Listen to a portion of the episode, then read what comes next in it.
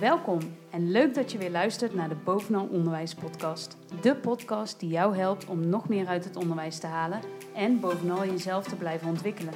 Wij zijn Tom en Christel, beide werkzaam in het onderwijs en altijd op zoek naar nieuwe inspiratie om onszelf verder te kunnen ontwikkelen. Wij maken jou graag deelgenoot van onze zoektocht en hopen je te kunnen inspireren om zelf ook op zoek te gaan naar jouw uitdagingen.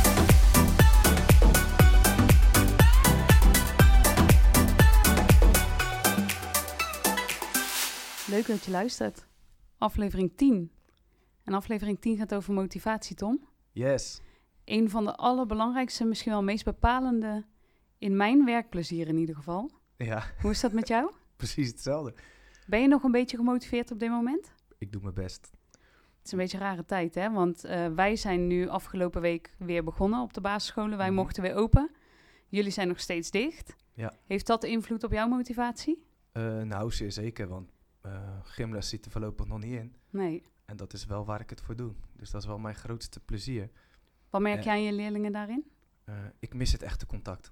Ik ben Ja. mentor en ik voel gewoon eh, dat ik niet de binding heb met de leerlingen zoals ik dat in het, in het e- echte contact wel heb. En ja, het stukje motivatie vond ik voor de corona al interessant. Ja. En nu heeft het me nog meer eh, geraakt, omdat ik bij mezelf merk van wat is die motivatie nou voor mezelf? Ik heb gemerkt bij eh, heel veel leerlingen, wat is, wat, hoe drijft die motivatie nu? En tussen het uiteindelijk zien van gedrag, weet je nog niet wat motiveert diegene nou? En zodoende vind ik het gewoon onwijs leuk om aan jou de, de diepte in te duiken vandaag. Van ja, zijn er handvaten die we kunnen aangrijpen vanuit een stukje theorie? Ja. Eh, maar ook, ja, hoe werkt die motivatie nu eigenlijk? En wat kunnen we er praktisch mee? Waar hebben wij als leraren invloed op? Maar ook voor jezelf. Wat, wat voel je nou bij jezelf wanneer iets motiveert of niet? Ja, mooi hè. Want daarin is dit, vind ik ook inderdaad, een hele interessante tijd. Eh, zeker voor jouw leerlingen, voor het gezet onderwijs. Alles is online. Ja, ja. Hoe gemotiveerd blijf je daarbij? Ja, Ehm, en in voorbereiding hierop dacht ik van ja, maar wat is nou precies motivatie? Wat verstaan we daar dan onder? Of wat is eigenlijk de definitie? Dus ik heb Mhm. hem gewoon even heel droog, ik heb hem opgezocht. ja, ja. ja. Ehm, en dan komt er eigenlijk naar buiten, ik zoek hem maar eventjes bij, van wat is nou eigenlijk de motivatie? En dan zeggen ze motivatie is een intern proces dat mensen drijft om bepaald gedrag te vertonen. En wat ervoor zorgt dat dit gedrag in stand wordt gehouden. ja. Hoop, hoop tekst. Dat is een hoop tekst. Maar ehm, ik, ik denk, en dat kom je in al die eh, stukken vaak tegen, ook als je het over topsporters hebt. En eh, dan gaat het eigenlijk over de twee dingen: het eh intrinsieke en het extrinsiek. En ben je vanuit jezelf volledig gemotiveerd om iets te doen? Hè, is het een wil? Wil je het iets heel graag? Of is het eh, uiteindelijk extrinsiek en is het een moetje? Dat, dat is eigenlijk heel plat geslagen waar eh, steeds op teruggehaald wordt. Van ja, ja. eh, alleen voor mijn gevoel is het zoiets van ja, ja, maar er zit nog zoveel tussen. Kan je dat uitleggen? ja, want ehm, het is die twee hebben heel veel relatie met elkaar. Mhm. Dus hoe vlieg je het in? Doe je kinderen vooral vanuit excentriek eh, aanvliegen, terwijl ze misschien vanuit zichzelf onwijs eh incentriek al willen. Dus de relatie tussen die twee, eh, daar kun je ook heel veel mee schaven. ja, Kijk, wat, wat, wat mij bijvoorbeeld fascineert is, iedereen wil van nature leren. Ik zie dat nu bij mijn nichtje. Zij wil gewoon leren lopen. Ja. en niemand die te... Ja, ze is nu anderhalf. Ja, En ik zie van week op week die ontwikkeling. ja, Zij valt, ze staat, ze gaat het weer doen. Ze hobbelt van eh, heel instabiel naar langzamerhand stabiel. Eh, en ze is heel gretig om woordjes te leren. Dus van nature heeft iedereen de drang om te leren. Dat zit gewoon in de mens. ja. En ehm, als ik dan kijk naar mijn peutergym. Die kinderen die willen gewoon bewegen, die willen leren, die willen kleurtjes, die vinden het allemaal prachtig. En dat is dus, daar zit die motivatie. Maar op een gegeven moment verschuift misschien het onderwijs wel zo dat de wil, het motivatie van, vanuit het kind zelf, langzaam verschuift naar een moed. En dat is die grote zoektocht waar ik dan ook in beland ben. en voor mij in de gymles, hoe hou ik kinderen in die natuurlijke wil? En wat kunnen we doen? Welke fases zijn er als een kind naar excentriek belandt en, en het helemaal niet meer als willen en plezier ervaart? Ja, dus dat het niet meer vanzelf gaat. Ja, Het is wel mooi wat je zegt, want inderdaad, van kleins af aan ga je gewoon dingen doen, omdat Ja. dat, dat past bij je ontwikkeling en je gaat lopen en dat doe je om, ja, waarschijnlijk wil je dat. Dat Ja. wil je nog niet zo heel bewust, maar het gebeurt natuurlijk. Hetzelfde met je nichtje, zij ja, wil kunnen gaan lopen, want de wereld wordt makkelijker Ja. als je dat kan. ja. Dus zij is gemotiveerd om dat te doen. Er is nog nooit iemand, die- nog geen enkel kind wat gedacht heeft, ik sta niet op en Nee. ik ga het niet doen. Of, hey, luister eens, je hebt een onvoldoende. Ja. Wat gaan we ermee doen? Ja, En dat stukje heeft mij ook aan het denken gezet. Bijvoorbeeld, ehm, afgelopen zomer ben ik voor het eerst gaan wakeboarden. ja, Ik wilde dat gewoon uit mezelf leren. En de gevoel van de motivatie en de succesbeleving om stap voor stap daarin beter te worden, dat is prachtig. Zie je daar dan ook een wisseling in in motivatie? Want in eerste instantie zeg je dus, eh, dat wilde ik doen, dus intrinsiek Mhm. gemotiveerd.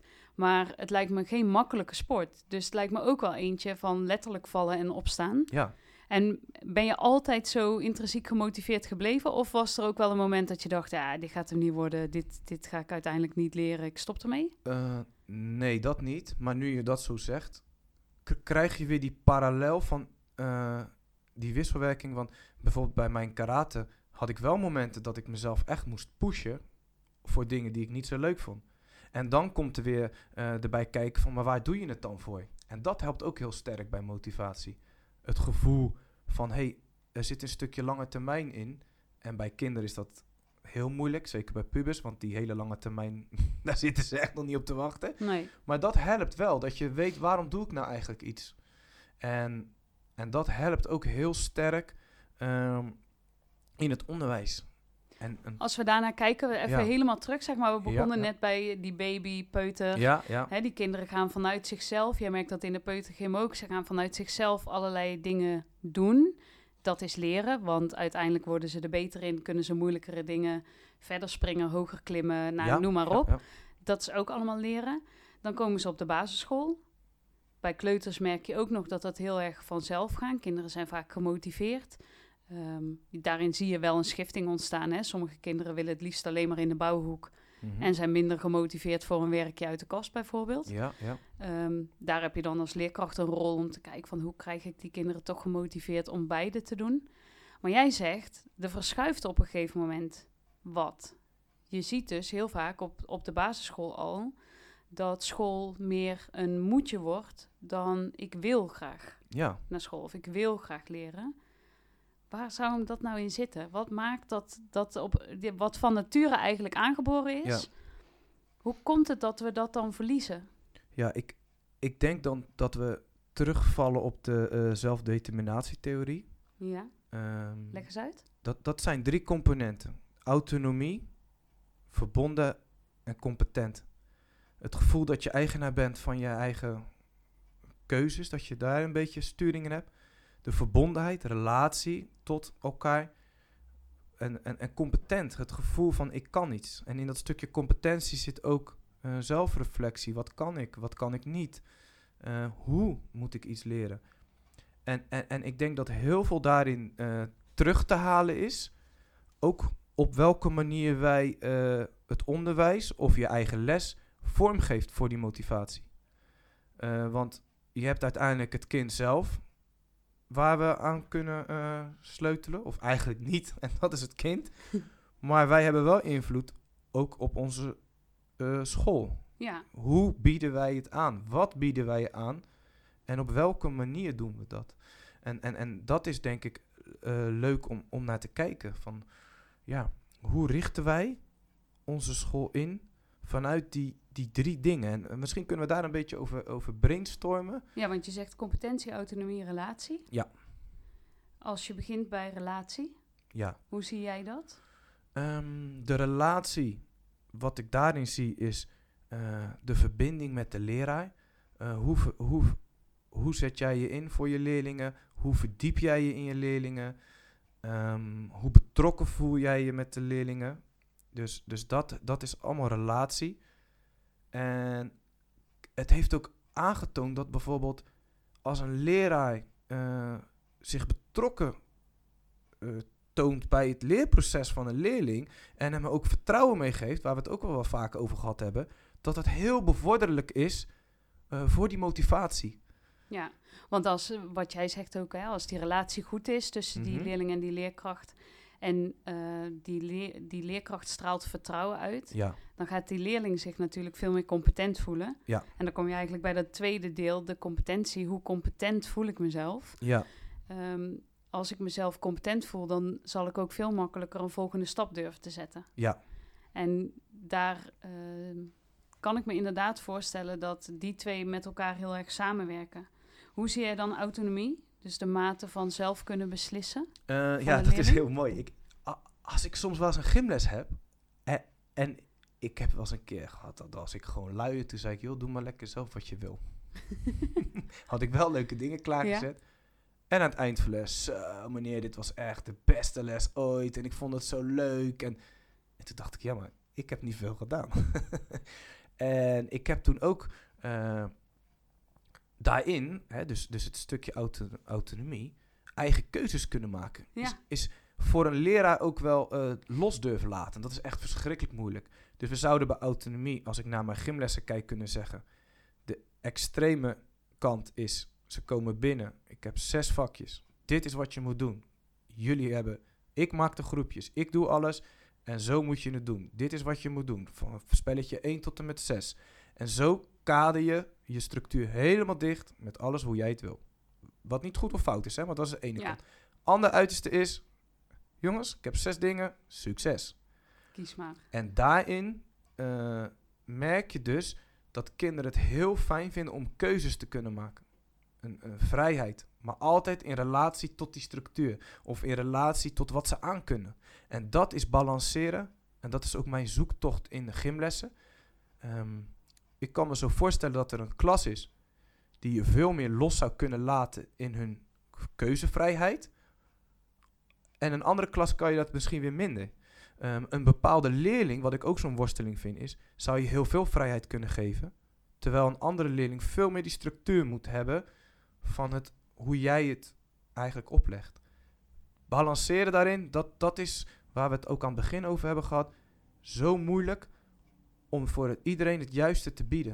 Maar En tegelijkertijd hoor ik je wel zeggen dat je ook autonomie kan geven binnen een bepaalde structuur. Ja. Autonomie geven betekent niet dat je alles loslaat. Betekent niet dat je helemaal geen kaders uitzet. Want Nee. dan komt de veiligheid, denk ik, in het, in het eh, geding. ja, Je gaat juist binnen die structuur die je al biedt. Dus wat jij bijvoorbeeld doet binnen je gymles. Dus wel Ja. iets klaarzetten. Maar niet per se zeggen wat je dan moet doen. Maar de vrijheid geven. Van kies maar of je in vak nummer 1 begint. Of in vak nummer 3. mhm. Maar dan zet je wel een bepaalde structuur uit. Volgens mij is dat wel de kracht. Als je als leerkracht toch een bepaalde structuur neer kan zetten waarin je vrijheden kan geven. ja.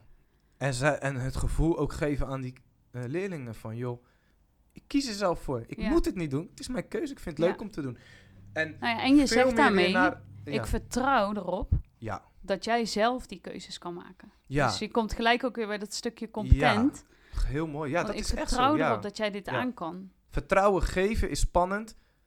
En daarin ook die terugkoppeling kunnen geven van ja, ik geef je het vertrouwen. Dit is wat ik terugzie. Geweldig. Of hey, we hadden het zo afgesproken. Ik herken het ook als ik hem vertaal naar mijn eigen situatie. Mhm. Dus als je vanuit je leidinggevende het gevoel krijgt dat je zelf keuzes mag maken Ja, binnen de structuur die er is, maar dat jij zelf bepaalde dingen mag beslissen, zonder dat je alles moet gaan vragen van mag ik dit of mag ik dat, maar dat je gewoon die vrijheid hebt, ja, dan voel ik me ook een stuk beter en een stuk gemotiveerder om aan de slag te gaan. ja, Dus dat werkt voor kinderen, maar als ik naar mezelf kijk, werkt het ook voor mezelf. ja, ja, heel erg. En, en dat is het dus ook waarom het zo vaak terugkomt. Autonomie, verbonden en competent. Waar je ook aan kan sleutelen. Alleen het klinkt best wel abstract. Maar je kan, je kan dus heel vaak dingen daaraan herleiden. Als ik dan terugkijk van waarom was het dan zo'n succes in die les? Ehm, dat kind zat wel tussen het net of niet kunnen. Differentiatie komt weer terug. Ja, Hoe moeilijk dat ook is. Wat, wat voor mij ook een, een, eh, een hele openbaring is. Wat je eigenlijk ook al weet is. Kinderen die onderpresteren. Of hoe zeg ik dat? Kinderen die Ja. eigenlijk iets makkelijk aankunnen, Ja, die raken verveeld en gedemotiveerd. ja, En dat is ook zoiets van, hé, hey, wacht even, diegene was van, het, van een eerste instantie heel gemotiveerd naar, ah, zo saai, saai, Ja. niet leuk meer, makkelijk. het is mooi En wat je zegt. Daar heb ik invloed op als leraar, Ja, in mijn gymles, maar ik denk ook in de klas. absoluut. Want dit zie je bijvoorbeeld heel vaak terug bij meerbegaafde of hoogbegaafde kinderen. Mhm. Dat dat niet gelijk herkend of erkend wordt. Dat eh, zij misschien wel wat meer aan kunnen. En dan inderdaad, dit gaat er gebeuren. Ze krijgen, ja, saai, wordt niet uitgedaagd. Ja, Eh, ze voelen zich veel minder competent, want ze hoeven eigenlijk niet te werken voor datgene wat ze aan het doen zijn. En dan zie je dat kinderen die begaafd, hoog, of, eh, hoogbegaafd of meerbegaafd zijn, zo gaan onderpresteren dat het helemaal niet naar boven komt. Soms Nee. lijkt het zelfs alsof ze minder eh, presteren of, of ja, minder kunnen Ja, dan de gemiddelde leerling. Terwijl dat dus helemaal niet het geval is. Het is gewoon De- demotiverend. dus daar heb je het weer. Het verschuift continu die motivatie. ja, En hoe kunnen we dat naar boven halen? Door het gesprek aan te gaan. En dan hoor je dat ook en dan denk je, wacht even. Hier moet ik wat mee. En wat moet ik ermee? Dat, dat, dat is denk ik altijd maatwerk. Ja. Bij elke leerling. Want anderzijds is motivatie bijvoorbeeld... ehm, ik durf of ik kan iets niet. Die Ja. veiligheid waar we het ook zo vaak over hebben. Ehm, komt gelijk weer bij het competent voelen. competent voelen. Eh, dat, dat zijn ook dingen. En, en, en wat ik laatst ook had gemerkt, eh, was, was mijn, eh mijn mentorklas moest dus blijkbaar een Engels toets online doen. Ja, En dat liep niet helemaal lekker. Wat liep niet lekker? Ze konden de link niet open en dat soort dingen.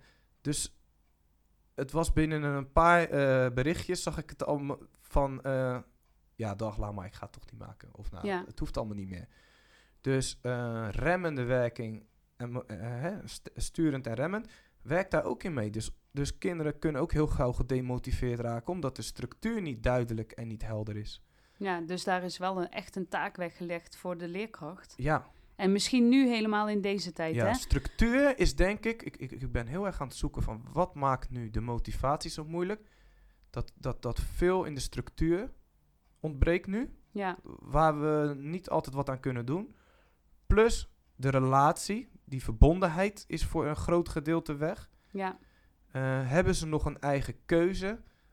Ja, daarin is het ook lastig, hè? Van, van eh, ik doe het even snel, snel, snel. Ik denk ook dat je, als je kijkt naar wat we net benoemden van die eh, competent voelen, Mhm. autonomie, relatie. Als je kijkt naar kinderen nu, zie je eigenlijk hetzelfde gebeuren bij docenten. Dus lessen moeten Ja. online gegeven Ja. worden. Mensen of, eh, eh, leerkrachten voelen zich vaak niet competent genoeg. Weten niet precies hoe alles werkt. Ja. Eh, zeker in het begin hebben we dat Ja, gezien. Dat kinderen inderdaad. microfoons uit gingen zetten. Of ineens eh, filmpjes tevoorschijn toverden. en leerkrachten Oh, geen idee hadden. Ja, dus, Ja, dus deze hele situatie doet iets met het competentiegevoel van de leerkracht. Ja, mooi.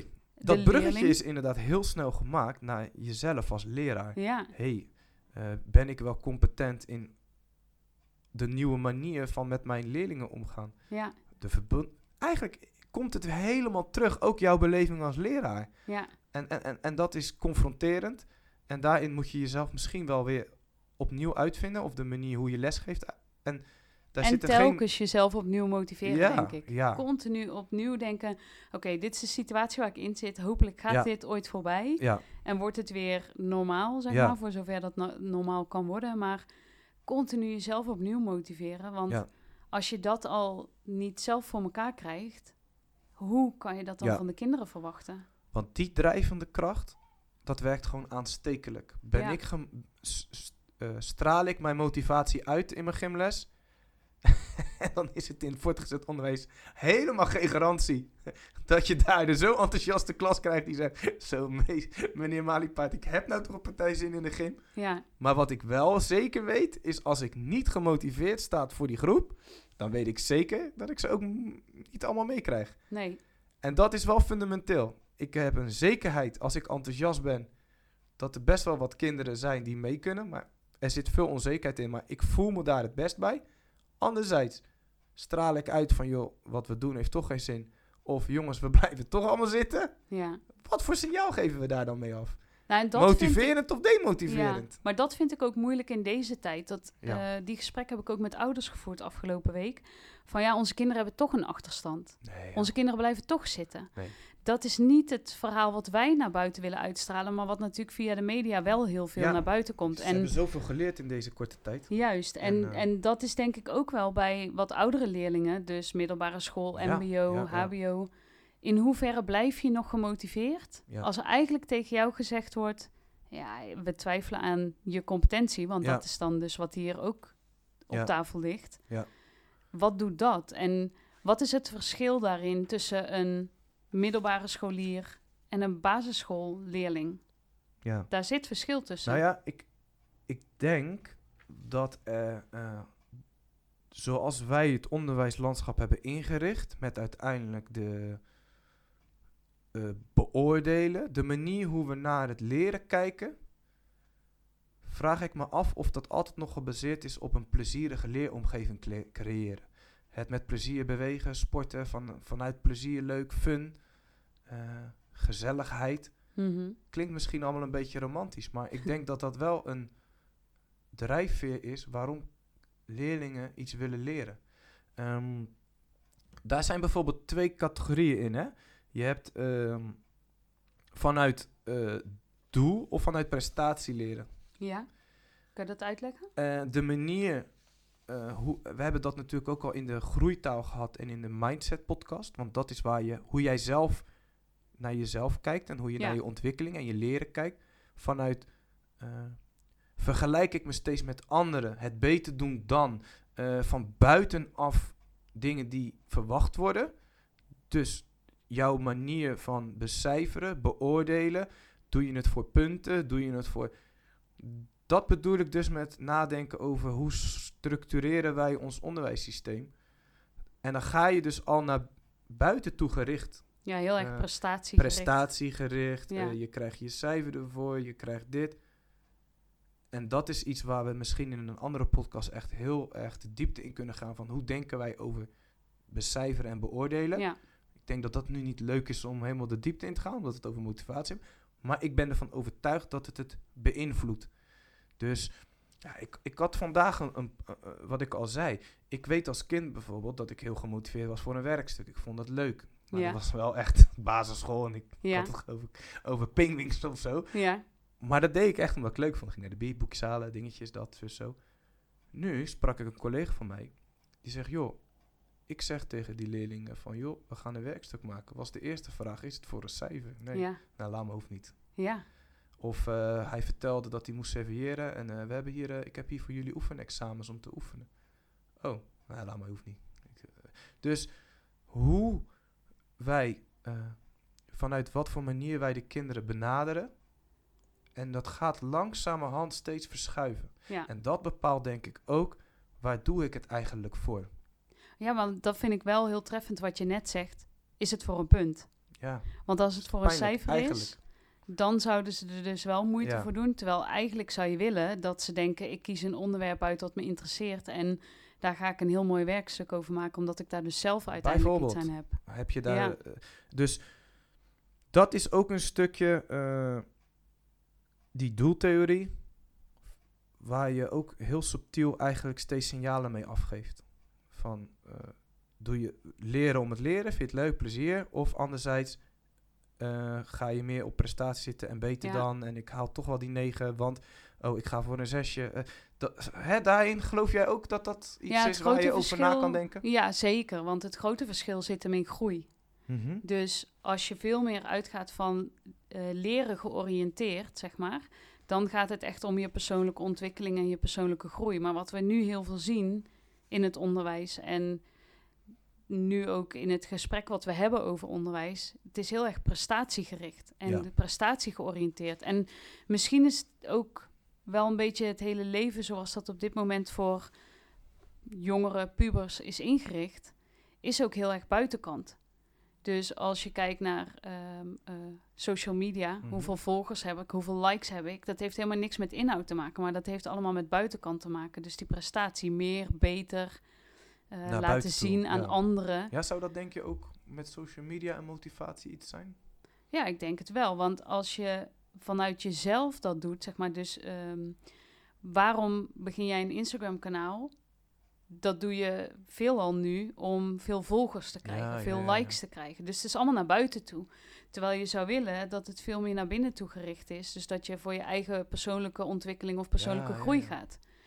En het onderwijs hebben we zo ingericht. En misschien dat het leven van die kinderen op verschillende fronten dus wel zo is ingericht. Ja. En ik zou zo mooi vinden, maar als ik naar mezelf kijk, is het bij mij ook niet zo gegaan. Volgens mij heb ik het wel eens eerder verteld, toen ik van de basisschool afging, kreeg ik een MAVO-advies. Ja, ja. Wat uiteindelijk niet eigenlijk het best passende advies was. En ik was daar ook boos over en ik heb gewoon vier jaar lang gechilled. Ik heb ook heel lang gedacht, oké, wat moet ik doen om een zesje te halen? Ga ik dat doen? Dan haal ik dat. En dan, ehm, het was echt teaching of learning to the test, zeg Ja. maar. Gewoon zorgen dat je die toets haalt en klaar. Ja, ja. Achteraf, nu, in de wetenschap van die ik nu heb, denk ik, oh ja, als ik misschien wel veel meer intrinsiek gemotiveerd geweest was voor leren, Ja. dan eh, was ik naar de HAVO gegaan en dan had ik andere kennis opgedaan. Ja. Had ik misschien niet nu geweest waar ik nu ben, maar het gaat dan meer over de inhoud en de kennis, zeg maar. Maar daarom, ik, ik vind het ook zo'n eh, valkuil om alleen maar op dat intrinsieke te zitten, omdat dat gewoon ook niet school is.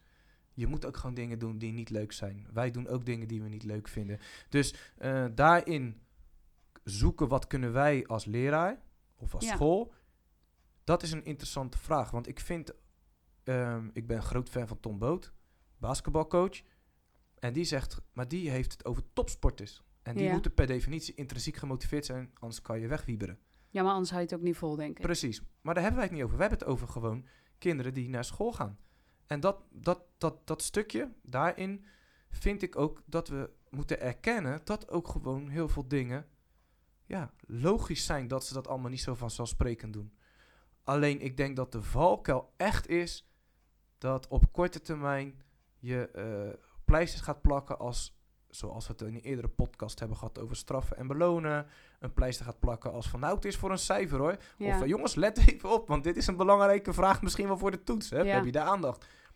Dus welke taal spreken wij? Welk gedrag laten we zelf zien als het daarom gaat? ja, en ik denk dat je daar dus echt wel invloed op hebt. Juist, Hoe kun je wel. kinderen intrinsiek motiveren? Hoe groot is hun aandeel en hun stem? Ja. En de autonomie dus. Het is aanwakkeren, denk ik. Het, het, het is, Ja. het is aanwakkeren. Ehm, je moet ze laten zien wat het ja. oplevert. Ja. Als ik een succeservaring ergens heb, ben ik ook gemotiveerder om het de keer daarna nog een keer te proberen. Ja, Dus als ik voel dat ik ehm, er iets mee kan bereiken en eh, er zelf van kan groeien, dan, dan raak je gemotiveerd. Ja, Als je continu het idee hebt van oh, dat je niet bevraagd wordt op wat je eigenlijk kan, ja, dan denk je, joh, waarom zou Ja, ik het doen? En dat is dat stukje engagement. Dat, dat- dat is ook eh, de zingeving van waarom Ja. moet ik dit nou doen? Of net even in de beleving van die leerlingen kruipen en het op die manier wel eh, eh, voor hun net even wat leuker of speelser maken. Ik, ik denk dat daarin ook een sleutel ligt van toch naar die leerling toe in een beleving zien te komen Juist, veel meer op aansluiten bij die en dan die aansluiting pakken. Ja. Ehm, ja, zo, zo zie je alweer in het gesprek, hè, hoe, hoe je continu van links naar rechts duikt van, ja, wat maakt dan die motivatie?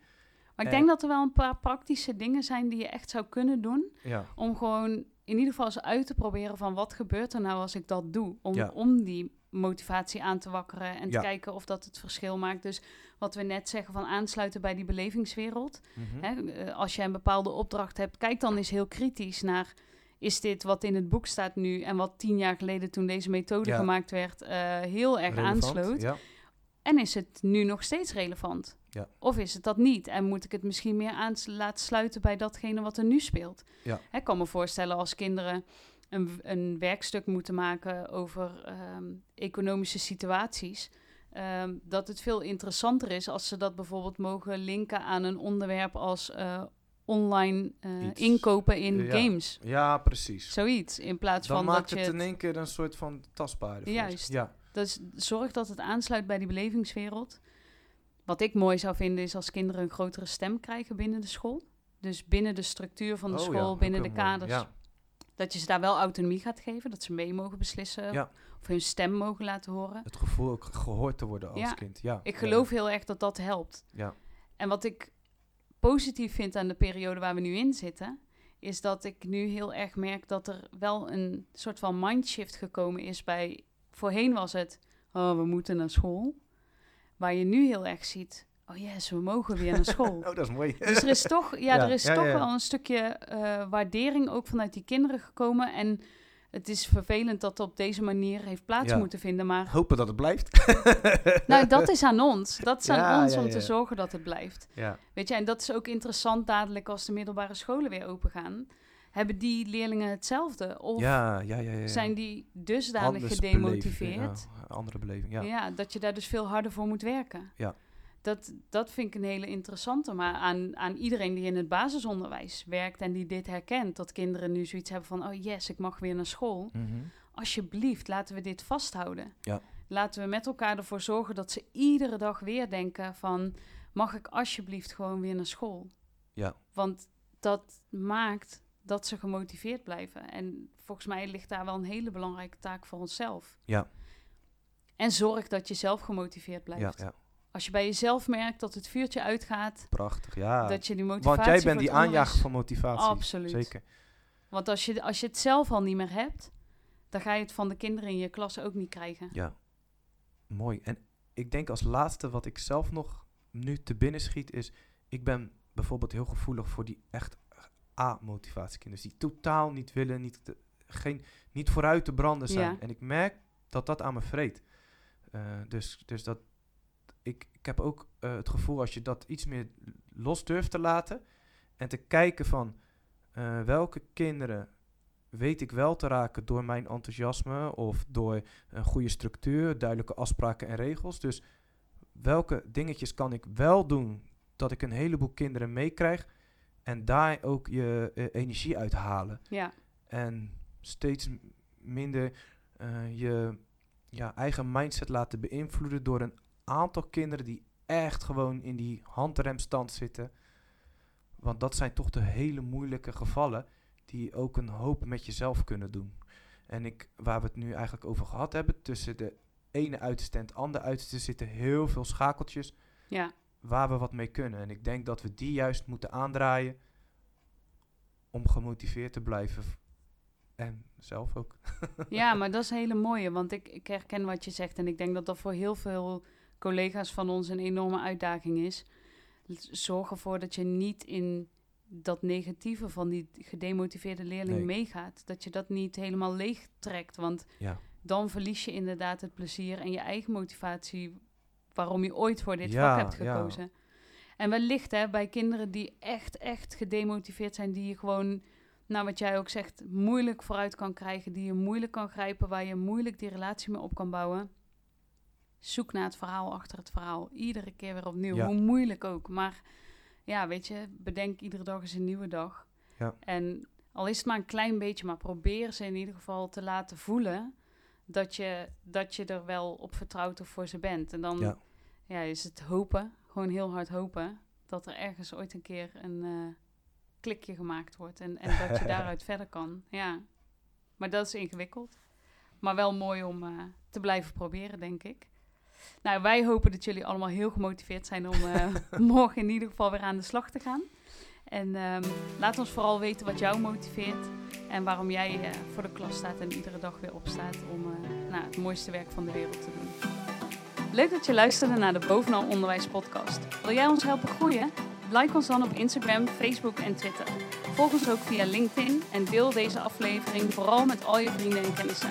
Tot de volgende aflevering.